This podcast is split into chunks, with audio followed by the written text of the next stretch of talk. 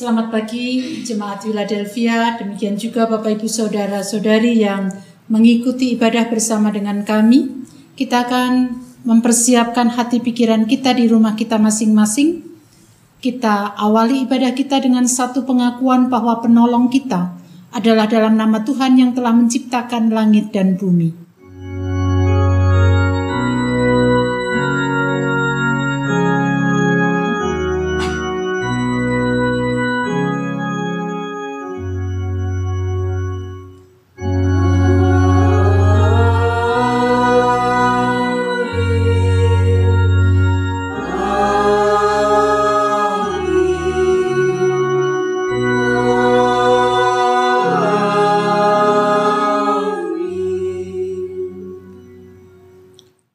Kasih karunia dan damai sejahtera dari Allah Bapa kita dan dari Tuhan Yesus Kristus menyertai saudara sekalian.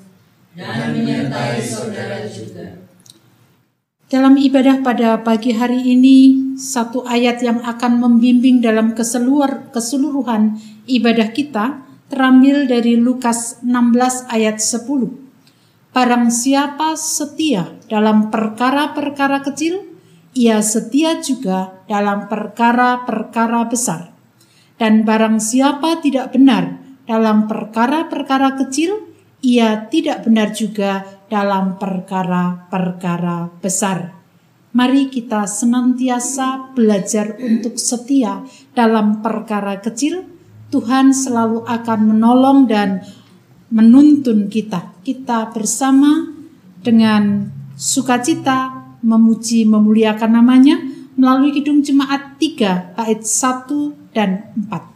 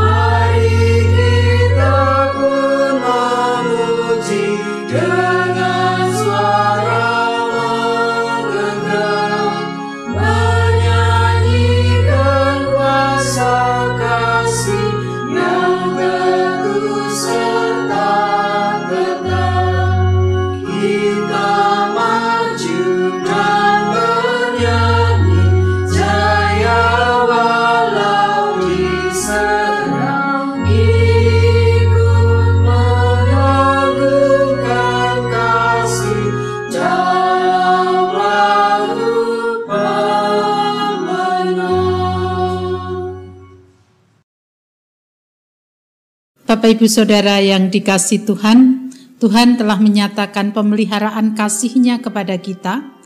Namun sering kali kita tidak menanggapi dengan kita juga menyatakan kasih kepada Dia maupun sesama kita. Oleh karena itu, dengan segala kerendahan hati, mari kita mengakui dosa kita di hadapan Tuhan di dalam doa. Kita berdoa. Tuhan, inilah kami.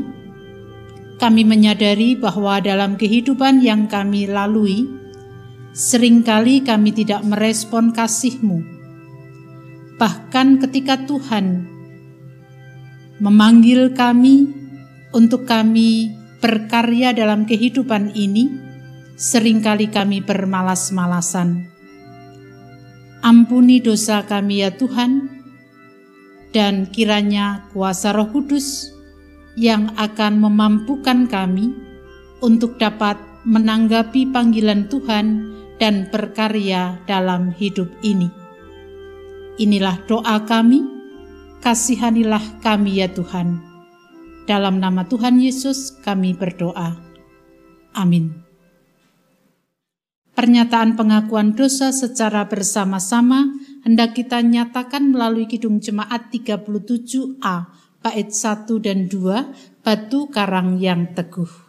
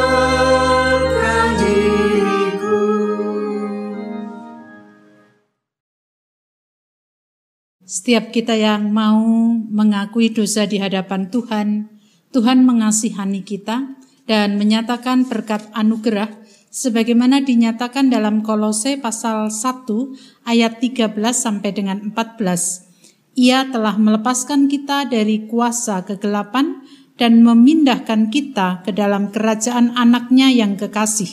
Di dalam dia kita memiliki penebusan kita, yaitu pengampunan dosa Demikianlah berita anugerah dari Tuhan.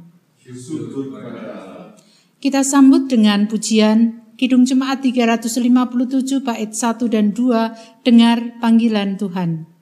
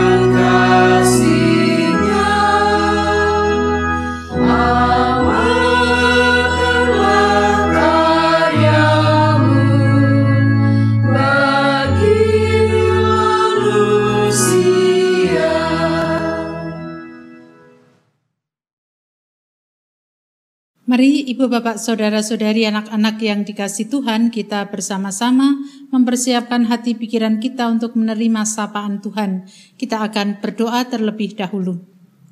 Dengan segala kerendahan hati kami membuka seluruh kehidupan kami ya Tuhan. Kiranya Tuhan menyapa kami sehingga melalui bacaan Alkitab yang hendak kami renungkan itu akan menjadi bekal dalam kehidupan kami ke depan. Kuasailah seluruh ruangan di tempat kami masing-masing supaya apa yang kami dengarkan menjadi perenungan dan kami laksanakan dalam kehidupan sehari-hari. Dalam nama Tuhan Yesus kami berdoa. Amin. Bacaan kita pada pagi hari ini melanjutkan apa yang sudah menjadi bacaan kita pada minggu kemarin Kemarin Matius 25 ayat 1 sampai dengan 13, hari ini ayat 14 sampai dengan 30. Matius 25 ayat 14 sampai dengan 30 perumpamaan tentang talenta.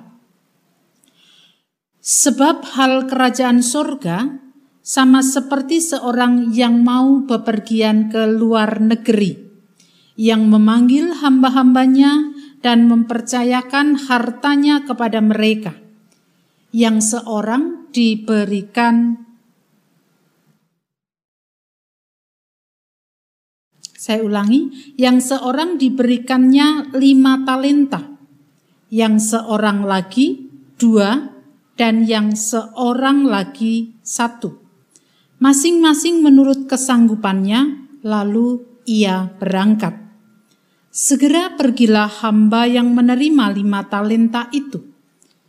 Ia menjalankan uang itu lalu beroleh laba lima talenta. Hamba yang menerima dua talenta itu pun berbuat demikian, juga dan lab, berlaba dua talenta. Tetapi hamba yang menerima satu talenta itu pergi dan menggali lubang di dalam tanah, lalu menyembunyikan uang tuannya. Lama sesudah itu pulanglah tuan hamba-hamba itu lalu mengadakan perhitungan dengan mereka. Hamba yang menerima lima talenta itu datang dan ia membawa laba lima talenta katanya. Tuan, lima talenta Tuan percayakan kepadaku. Lihat, aku telah beroleh laba lima talenta. Maka kata tuannya itu kepadanya, Baik sekali perbuatanmu itu, hai hambaku yang baik dan setia. Engkau telah setia dalam perkara kecil. Aku akan memberikan kepadamu tanggung jawab dalam perkara yang besar. Masuklah dan turutlah dalam kebahagiaan Tuanmu. Lalu datanglah hamba yang menerima dua talenta itu katanya, Tuan, Dua talenta Tuhan percayakan kepadaku. Lihat, aku telah beroleh laba dua talenta. Maka kata tuannya itu kepadanya, Baik sekali perbuatanmu itu, hai hambaku yang baik dan setia. Engkau telah setia memikul tanggung jawab dalam perkara yang kecil, aku akan memberikan kepadamu tanggung jawab dalam perkara yang besar. Masuklah dan turutlah dalam kebahagiaan Tuanmu. Kini datanglah juga hamba yang menerima satu talenta itu dan berkata, Tuan, aku tahu bahwa Tuhan adalah manusia yang kejam, yang menuai di tempat di mana Tuhan tidak menabur dan yang memungut dari tempat di mana Tuhan tidak menanam. Karena itu aku takut dan pergi menyembunyikan talenta Tuhan itu di dalam tanah. Ini terimalah kepunyaan Tuhan. Maka jawab tuannya itu, Hai kamu hamba yang jahat dan malas, jadi kamu sudah tahu bahwa aku menuai di tempat di mana aku tidak menabur, dan aku memungut dari tempat di mana aku tidak menanam. Karena itu, sudahlah seharusnya uangku itu kau berikan kepada orang yang menjalankan uang, supaya sekembaliku aku menerimanya serta dengan bunganya. Sebab itu, ambillah talenta itu daripadanya dan berikanlah kepada orang yang mempunyai sepuluh talenta itu. Karena setiap orang yang mempunyai kepadanya akan diberi, sehingga ia berkelimpahan. Tetapi setiap tetapi siapa yang tidak mempunyai apa pun juga yang ada padanya akan diambil daripadanya. Dan campakkanlah hamba yang tidak berguna itu ke dalam kegelapan yang paling gelap. Di sanalah akan terdapat ratap dan kertak gigi. Demikian tadi pembacaan Alkitab kita. Yang berbahagia adalah kita yang mendengarkan, merenungkan, bahkan melaksanakan dalam kehidupan sehari-hari. Haleluya.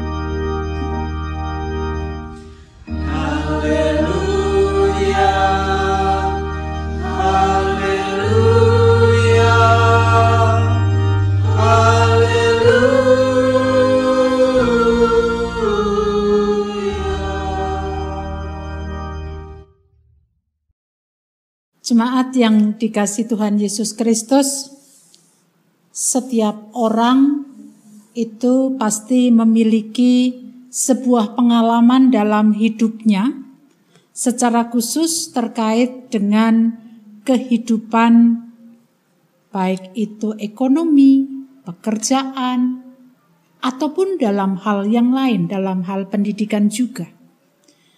Orang ingin meraih kesuksesan di dalam hidupnya.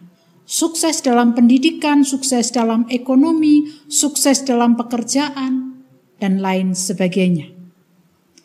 Nah, pernahkah kita memahami bahwa kesuksesan itu dicapai tidak, kalau dalam bahasa Jawa, tidak ujuk-ujuk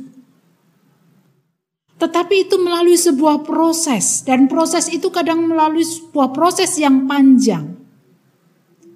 Bahkan banyak orang sukses itu kebanyakan harus memulainya dari hal yang paling kecil atau hal yang sangat kecil. Ketika satu hari dia melangkah satu langkah, dia bisa melangkah satu langkah, besok kemudian dilanjutkan lagi, mungkin tidak dua langkah, tetapi satu setengah langkah, dan terus-terus, dan sampai kemudian orang itu menjadi sukses ketika dia mau tekun dan setia melakukan hal yang dimulai dari hal yang paling kecil sekalipun. Sebagai contoh, ketika kita memulai usaha. Tentu saja ketika kita memulai usaha ya kita harus berani untuk memulainya dari hal yang kecil. Jangan pengen tiba-tiba kita menjadi pengusaha yang besar, pengusaha yang sukses, pengusaha yang terkenal. Segala sesuatu harus dimulai dari hal yang kecil. Nah, kalau yang kecil saja belum bisa, bagaimana dia akan mendapatkan yang besar? Kalau yang kecil saja kita tidak mampu untuk mengelolanya, bagaimana kita akan mendapatkan sesuatu yang besar di dalam hidup kita? Bapak, ibu, saudara-saudari yang dikasih Tuhan, bacaan saat ini masih berkaitan dengan bacaan kita minggu yang lalu tentang kedatangan kerajaan surga, atau dengan kata lain, kedatangan akhir zaman. Hal ini disampaikan oleh Yesus kepada para murid. Nah, pada minggu yang lalu kita diajak untuk berjaga-jaga. Ketika kita menantikan akhir zaman, ketika kita menantikan kedatangan Tuhan yang kedua kali, maka harus berjaga-jaga sebagaimana gadis-gadis yang bijaksana yang menyediakan minyak supaya ketika mempelai laki-laki datang dia bisa menyambutnya. Nah, perumpamaan itu dilanjutkan oleh Yesus dengan perumpamaan yang disampaikan melalui bacaan kita tentang talenta. Kerajaan surga itu juga diumpamakan seperti orang yang mau bepergian ke luar negeri. Dia punya talenta, lalu dia berikan itu kepada tiga orang. Dalam bacaan kita tadi, dikatakan memanggil hamba-hambanya dan mempercayakan talentanya atau hartanya kepada mereka. Orang yang pertama diberi lima talenta. Kemudian orang yang kedua diberi dua talenta dan yang ketiga diberi satu talenta. Secara sekilas mungkin kita akan berpikir bahwa orang tersebut tidak adil. Karena ada yang diberi lima, ada yang diberi dua, ada yang diberi satu. Tetapi Bapak Ibu Saudara, Saudari yang dikasih Tuhan, kalau kita melanjutkan uh, kisah atau perumpamaan yang disampaikan oleh Yesus tadi kepada para murid.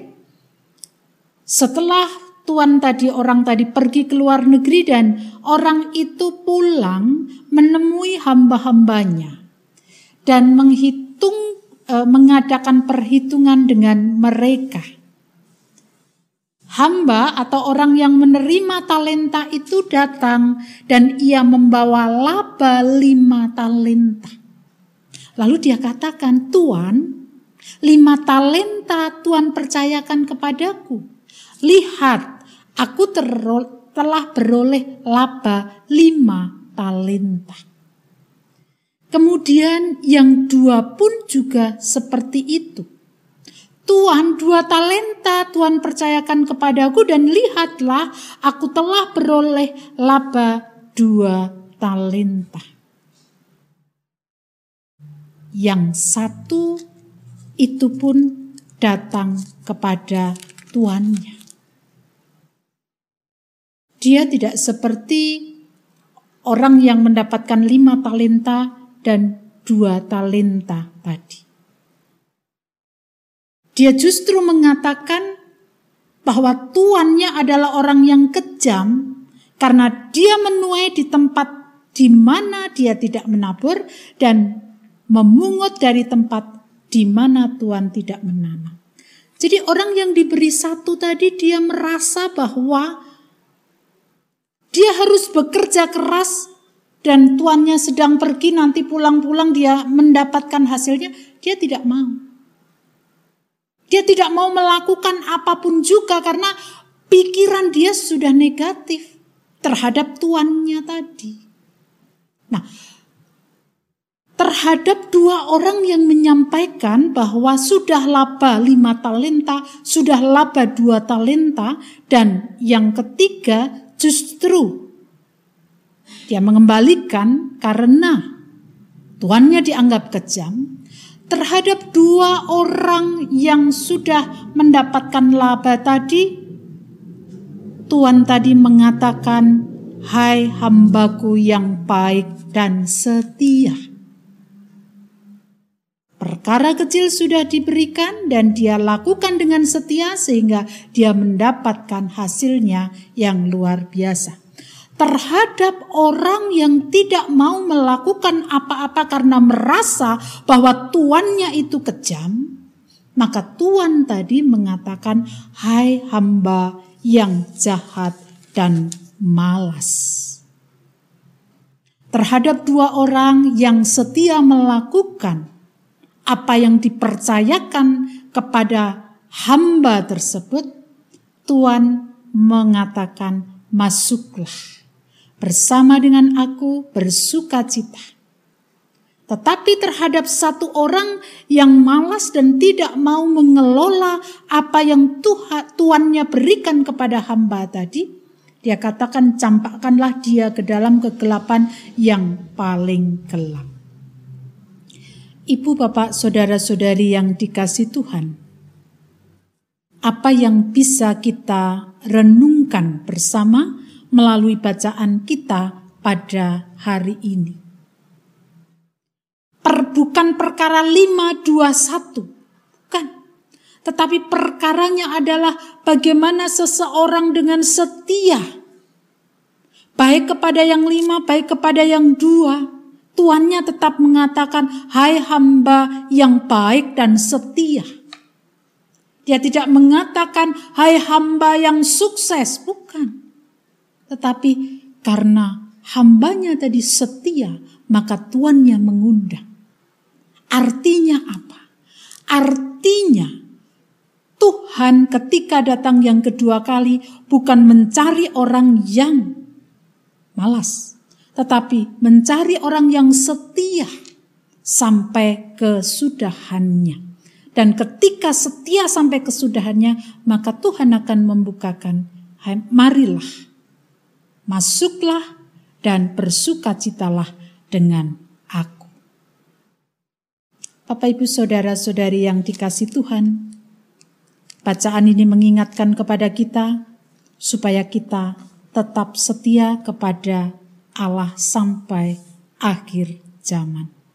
Kesetiaan kita juga hendaknya kita wujud nyatakan melalui setia dalam perkara yang kecil dalam pekerjaan kita, misalnya.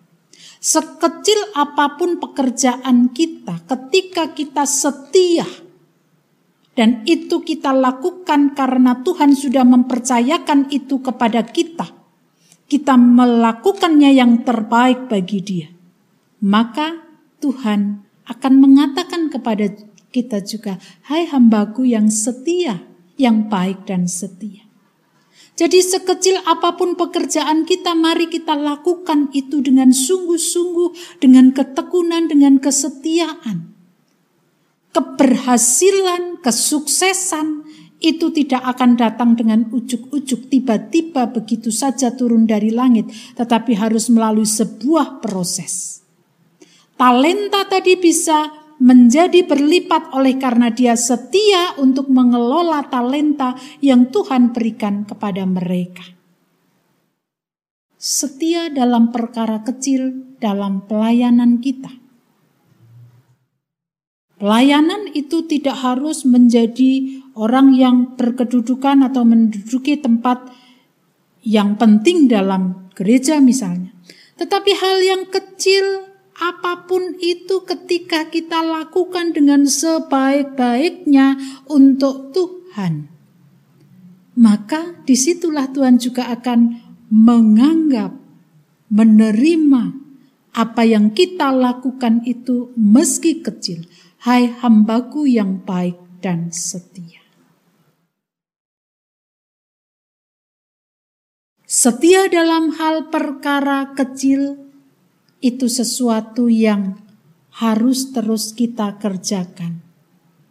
Karena ketika kita sudah setia dalam perkara kecil, maka Tuhan pun juga bisa memberikan perkara yang besar.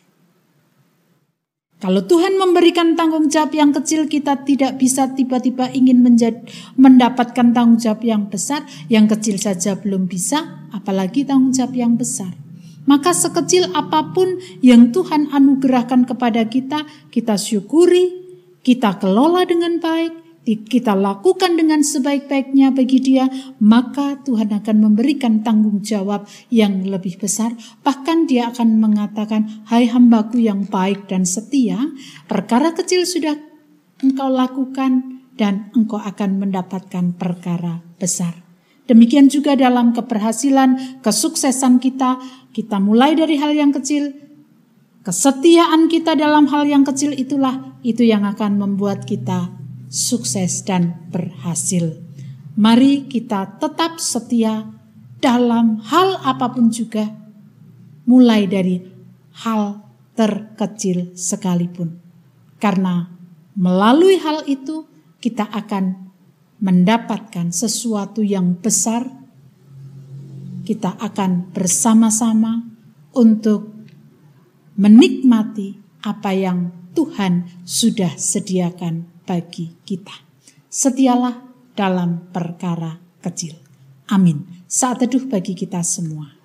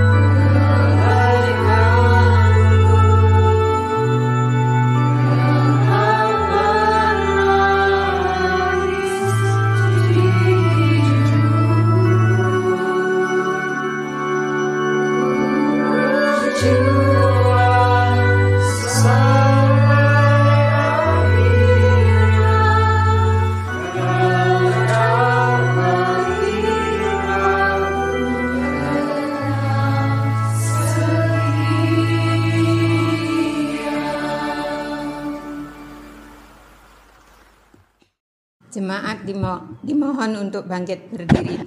Dengan meletakkan tangan kanan di dada sebelah kiri, marilah kita mengikrarkan pengakuan iman kita bersama dengan umat Allah pada masa lalu, masa kini, dan masa depan menurut pengakuan iman rasuli. Aku percaya kepada Allah, Bapa yang Maha Kuasa, Halik langit dan bumi, dan kepada Yesus Kristus, anaknya yang tunggal, Tuhan kita, yang dikandung daripada roh kudus, lahir dari anak darah Maria, yang menderita di bawah pemerintahan Pontius Pilatus, disalibkan, mati dan dikuburkan, turun ke dalam kerajaan maut. Pada hari yang ketiga, bangkit pula dari antara orang mati, naik ke surga, duduk sebelah kanan Allah, Bapa yang Maha Kuasa, dan akan datang dari sana untuk menghakimi orang yang hidup dan yang mati. Aku percaya kepada Roh Kudus, gereja yang kudus dan am, persekutuan orang kudus, pengampunan dosa, kebangkitan daging, dan hidup yang kekal. Jemaat dipersilakan duduk kembali. Terima kasih ya Tuhan untuk kesempatan yang Tuhan anugerahkan kepada kami ketika Tuhan menyapa kami supaya kami menjadi orang yang setia mulai dari perkara yang kecil karena Tuhan sediakan hal yang lebih besar lagi ketika kami melakukannya dengan tekun dan setia. Tolong dan berkati kami supaya kami dapat melakukannya dengan sebaik-baiknya.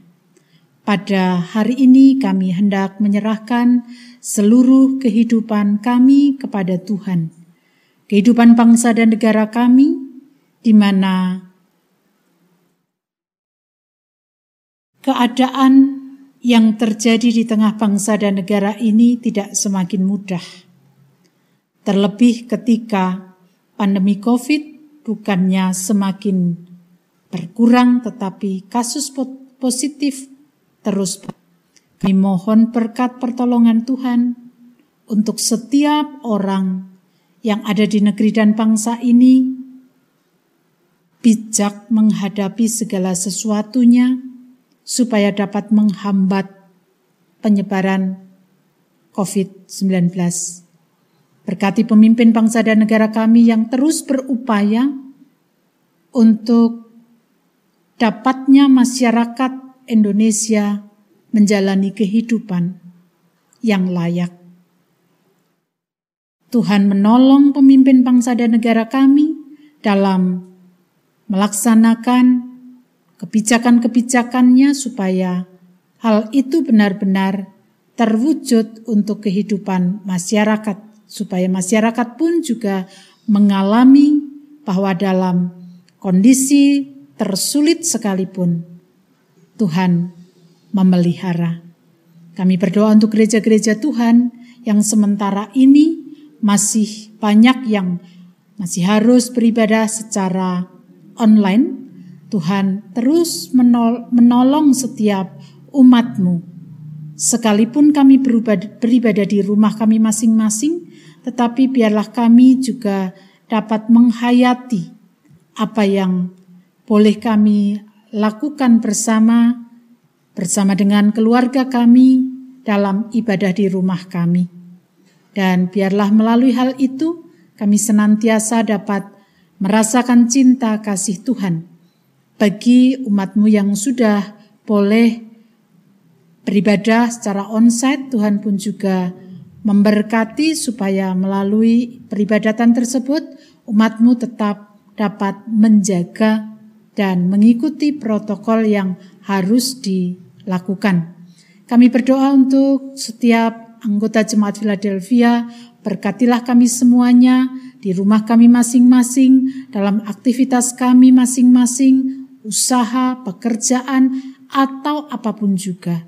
Kiranya Tuhan terus menguatkan dan menopang kami dalam setiap hal supaya melalui kehidupan yang tidak mudah ini kami terus bisa berjalan bersama dengan Tuhan. Saudara-saudara kami yang sakit, yang terus berjuang untuk melawan sakitnya, baik yang sudah lama maupun yang baru saja. Kami berdoa untuk Bapak Mariman, Bapak Nugroho Yulianto, Bapak Mugiarto Hadi, Bapak Suratijo, Bapak Widiat Mojo, Ibu Arista Kurniawati, Ibu Francisca Sriwahyuni Widodo, Ibu Wartini, Pendeta Indriat Moko, Ibu Irma Sarikaban, dan juga saudara-saudara kami lain yang terus harus berjuang untuk mendapatkan, mengharapkan kekuatan kesehatan dari Tuhan. Berkatmu tercurah atas saudara-saudara kami bersama dengan keluarga yang harus dengan sabar, setia, dan dalam ketulusannya menolong dan membantu anggota keluarga yang sakit. Kiranya berkatmu pun terus tercurah atas tiap keluarga yang bagian dari keluarganya sedang sakit.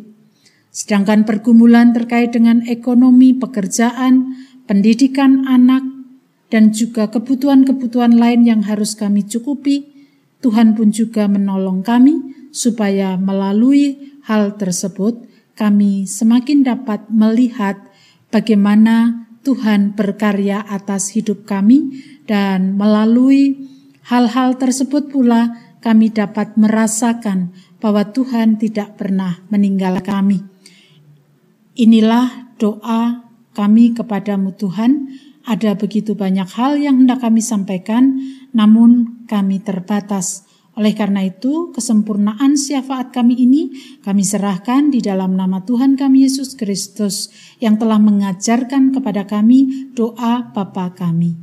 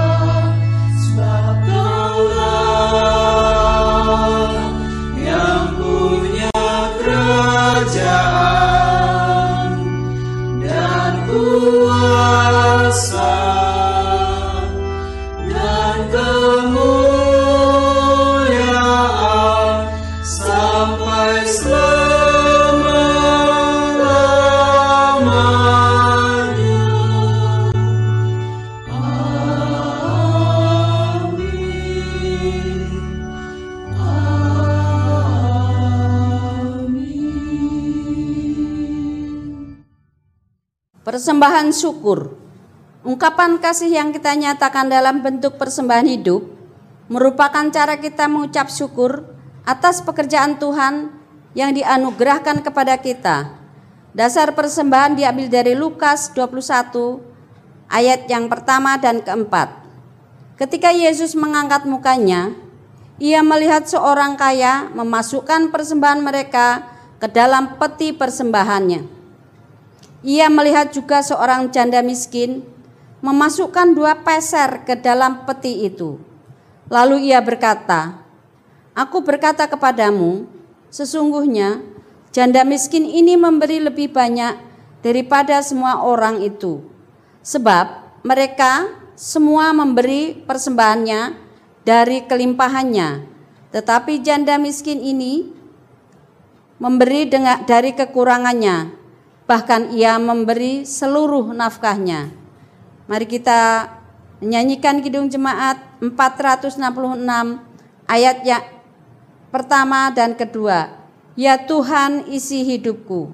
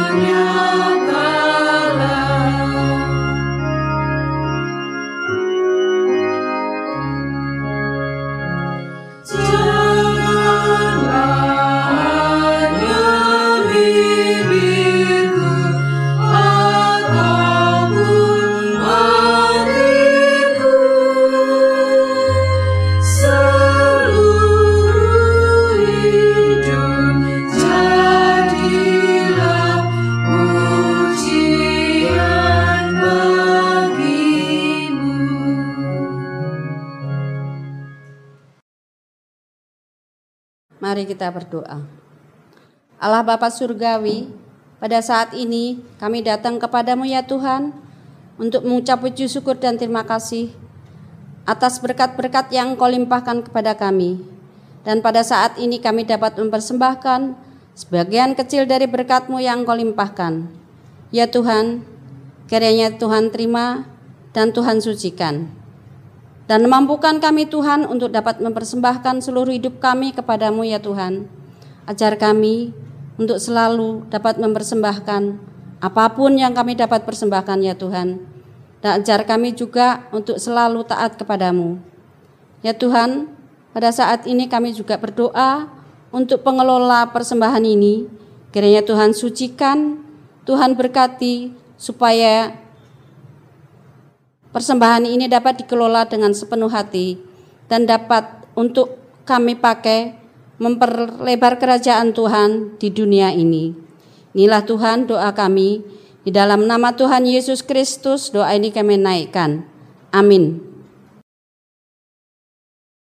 Sekecil apa pun karya kita harus kita berikan yang terbaik bagi Tuhan. Karena Tuhan memanggil itu kepada kita. Kita bersama merespon melalui NKB 126 bait 1 dan 2 Tuhan memanggilmu.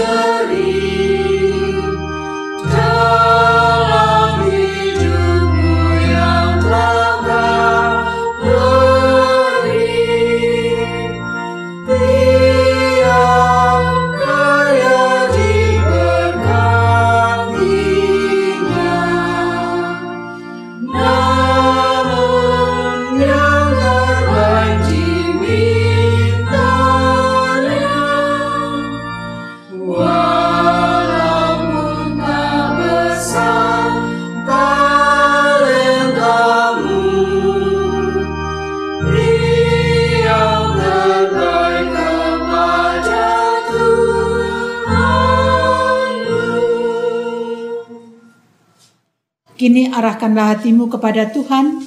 Kita akhiri ibadah di rumah kita masing-masing dengan sukacita. Lanjutkan hidupmu tetap setia, walaupun itu dalam perkara kecil, dan kini terimalah berkatnya. Kasih karunia Tuhan Yesus Kristus dan kasih Allah Bapa serta persekutuan Roh Kudus menyertai saudara sekalian selama-lamanya.